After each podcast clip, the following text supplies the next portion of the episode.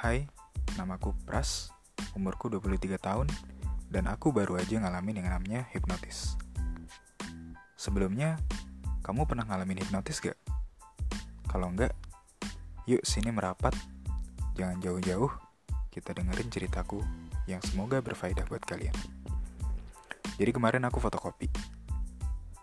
Habis fotokopi, aku pun pengen pulang. Pas pengen pulang, tiba-tiba datanglah sesosok yang cukup tinggi dan dia ngedekatin aku. Aku pun kaget. Aku cek jantungku. Dek-dek. Dek-dek.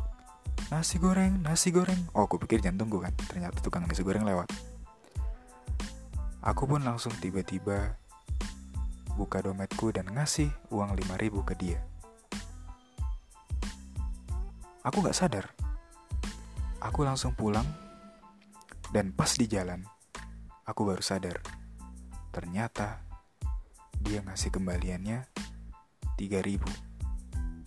Padahal harusnya 4000 teman-teman. Bayangkan seberapa besar pengaruh hipnotis dia sampai aku rela ngasih 1000 lebih ke dia. Ya, oleh karena itu hati-hatilah teman-teman. Jangan sampai kalian terhipnotis lagi kayak aku Semoga kalian selamat. Ya, sekian cerita dari aku. Apa kamu pernah juga ngalamin yang sama? Ya semoga kamu gak kayak hipnotis kayak aku. Amin. Makasih.